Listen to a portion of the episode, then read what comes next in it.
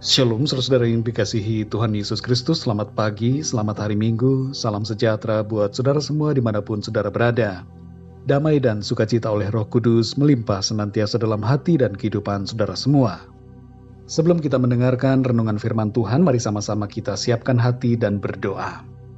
Bapa kami yang di sorga, Bapa dalam nama Tuhan Yesus Kristus kami mengucap syukur kepadamu oleh karena pimpinan dan penyertaan Tuhan dan untuk segala kebaikan-Mu, kemurahan-Mu yang selalu Tuhan limpahkan dalam kehidupan kami.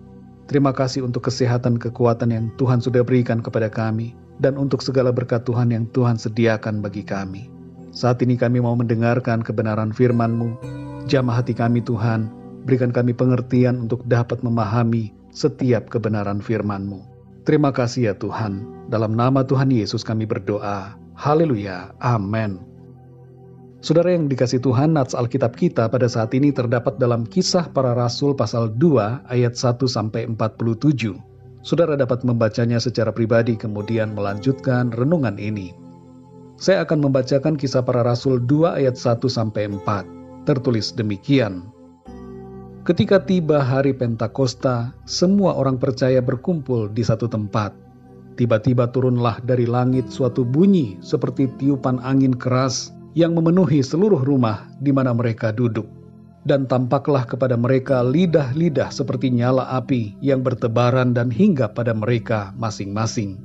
Maka penuhlah mereka dengan roh kudus, lalu mereka mulai berkata-kata dalam bahasa-bahasa lain, seperti yang diberikan oleh roh itu kepada mereka untuk mengatakannya. Saudara yang dikasih Tuhan, Hari Pentakosta merupakan salah satu perayaan bangsa Israel yang sudah dilakukan turun-temurun sebelum kedatangan Tuhan Yesus. Dan itu merupakan hari raya pengucapan syukur untuk hasil panen atau penuaian hasil tani. Hari raya Pentakosta ini mempunyai makna yang baru bagi kita, orang-orang percaya, sebagai hari pencurahan Roh Kudus dan hari lahirnya gereja, di mana saat itu dimulai penuaian jiwa-jiwa. Hari Raya Pentakosta merupakan salah satu hari yang penting selain Natal dan Paskah. Karena ini merupakan hari di mana kegerakan penginjilan dimulai oleh pimpinan Tuhan sendiri, oleh roh kudusnya.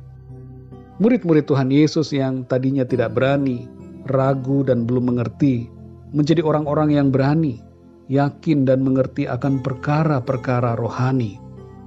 Mereka yang tadinya adalah orang-orang biasa, menjadi orang-orang yang luar biasa karena karya pimpinan Roh Kudus. Seorang teolog bernama Henry Nowen mengatakan bahwa tanpa peristiwa pencurahan Roh Kudus pada hari Pentakosta, maka semua peristiwa kelahiran, kematian, dan kebangkitan Tuhan Yesus akan terus terpenjara dalam sejarah sebagai sesuatu yang hanya bisa diingat dan direnungkan. Tapi kehadiran Roh Tuhan yang tinggal di dalam kita memungkinkan kita mengerti akan semuanya dan menjadikan Kristus hidup di dalam kita sekarang ini dan memampukan kita untuk bergerak melayani Tuhan. Peristiwa pencurahan Roh Kudus ini merupakan penggenapan dari nubuatan Nabi Yoel yang tertulis dalam Yoel 2 ayat 28 sampai 32 dan sekaligus merupakan bukti bahwa janji Tuhan Yesus untuk memberikan Roh Kudus benar-benar digenapinya. Saudara yang dikasih Tuhan, ada tiga hal yang terjadi di sini yang kita perhatikan. Yang pertama adalah Roh Kudus memberikan karunia. Ketika Roh Kudus memenuhi kita, maka kita menerima karunia dari Tuhan untuk berkata-kata dalam bahasa lidah sesuai yang diberikan Tuhan. Karunia-karunia yang lain juga diberikan Tuhan untuk dipakai sesuai dengan keperluan dalam pelayanan. Yang kedua, saudara, Roh Kudus memberikan keberanian. Ketika kita dipenuhi Roh Kudus, ada keberanian yang membuat kita tidak takut dalam menyuarakan kebenaran firman Tuhan. Roh yang diberikan Tuhan kepada kita menghilangkan ketakutan dan membangkitkan kekuatan. Dan yang ketiga, saudara, Roh Kudus memberikan hikmat dan pengertian. Ketika Roh Kudus memenuhi para murid, hikmat dan pengertian sorgawi mereka terima sehingga mereka dapat mengerti perkara-perkara yang selama ini tersembunyi bagi mereka. Demikian juga halnya bagi kita yang dipenuhi Roh Kudus akan memiliki pengertian dan hikmat Tuhan sehingga kita memahami tentang kebenaran di dalam Kristus. Saudara yang dikasih Tuhan, kita perlu dipenuhi Roh Kudus untuk berjalan dalam pimpinan Tuhan dalam semua aspek kehidupan kita.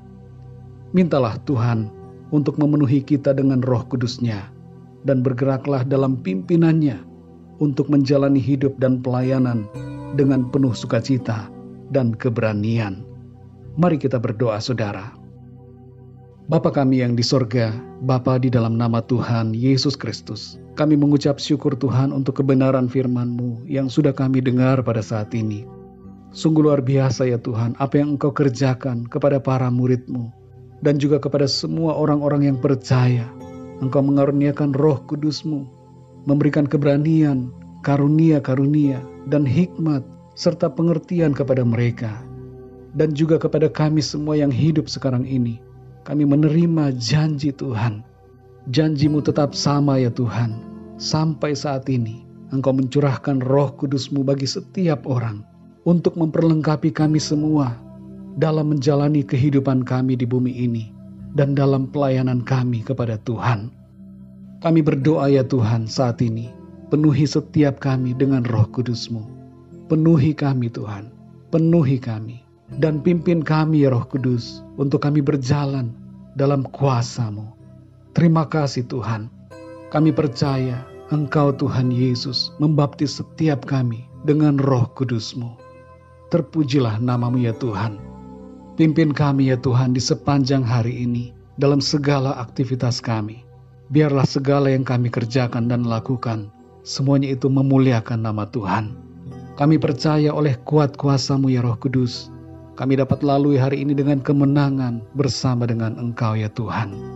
Segala persoalan dapat kami hadapi dengan kekuatan yang Tuhan limpahkan kepada kami. Terima kasih Tuhan. Kami percaya berkat dan damai sejahtera dan kasih karunia Tuhan senantiasa berlimpah dalam kehidupan kami. Terima kasih ya Tuhan. Dalam nama Tuhan Yesus Kristus, Tuhan dan Juru Selamat kami, kami berdoa dan mengucap syukur. Haleluya. Amin. Puji Tuhan, saudara yang dikasih Tuhan, saya percaya firman Tuhan menjadi berkat dan kekuatan buat saudara semua, dan roh kudus akan menolong saudara untuk lebih lagi memahami kebenaran firman Tuhan. Tuhan Yesus memberkati saudara semua. Sampai jumpa dalam renungan yang berikutnya. Haleluya. Sampai jumpa esok hari. Kiranya damai sejahtera dari Allah Bapa, kecintaan dan kasih karunia Tuhan kita Yesus Kristus, persekutuan serta penghiburan dari Roh Kudus menyertai kita sekalian mulai hari ini sampai Maranatha Tuhan Yesus datang. Amin.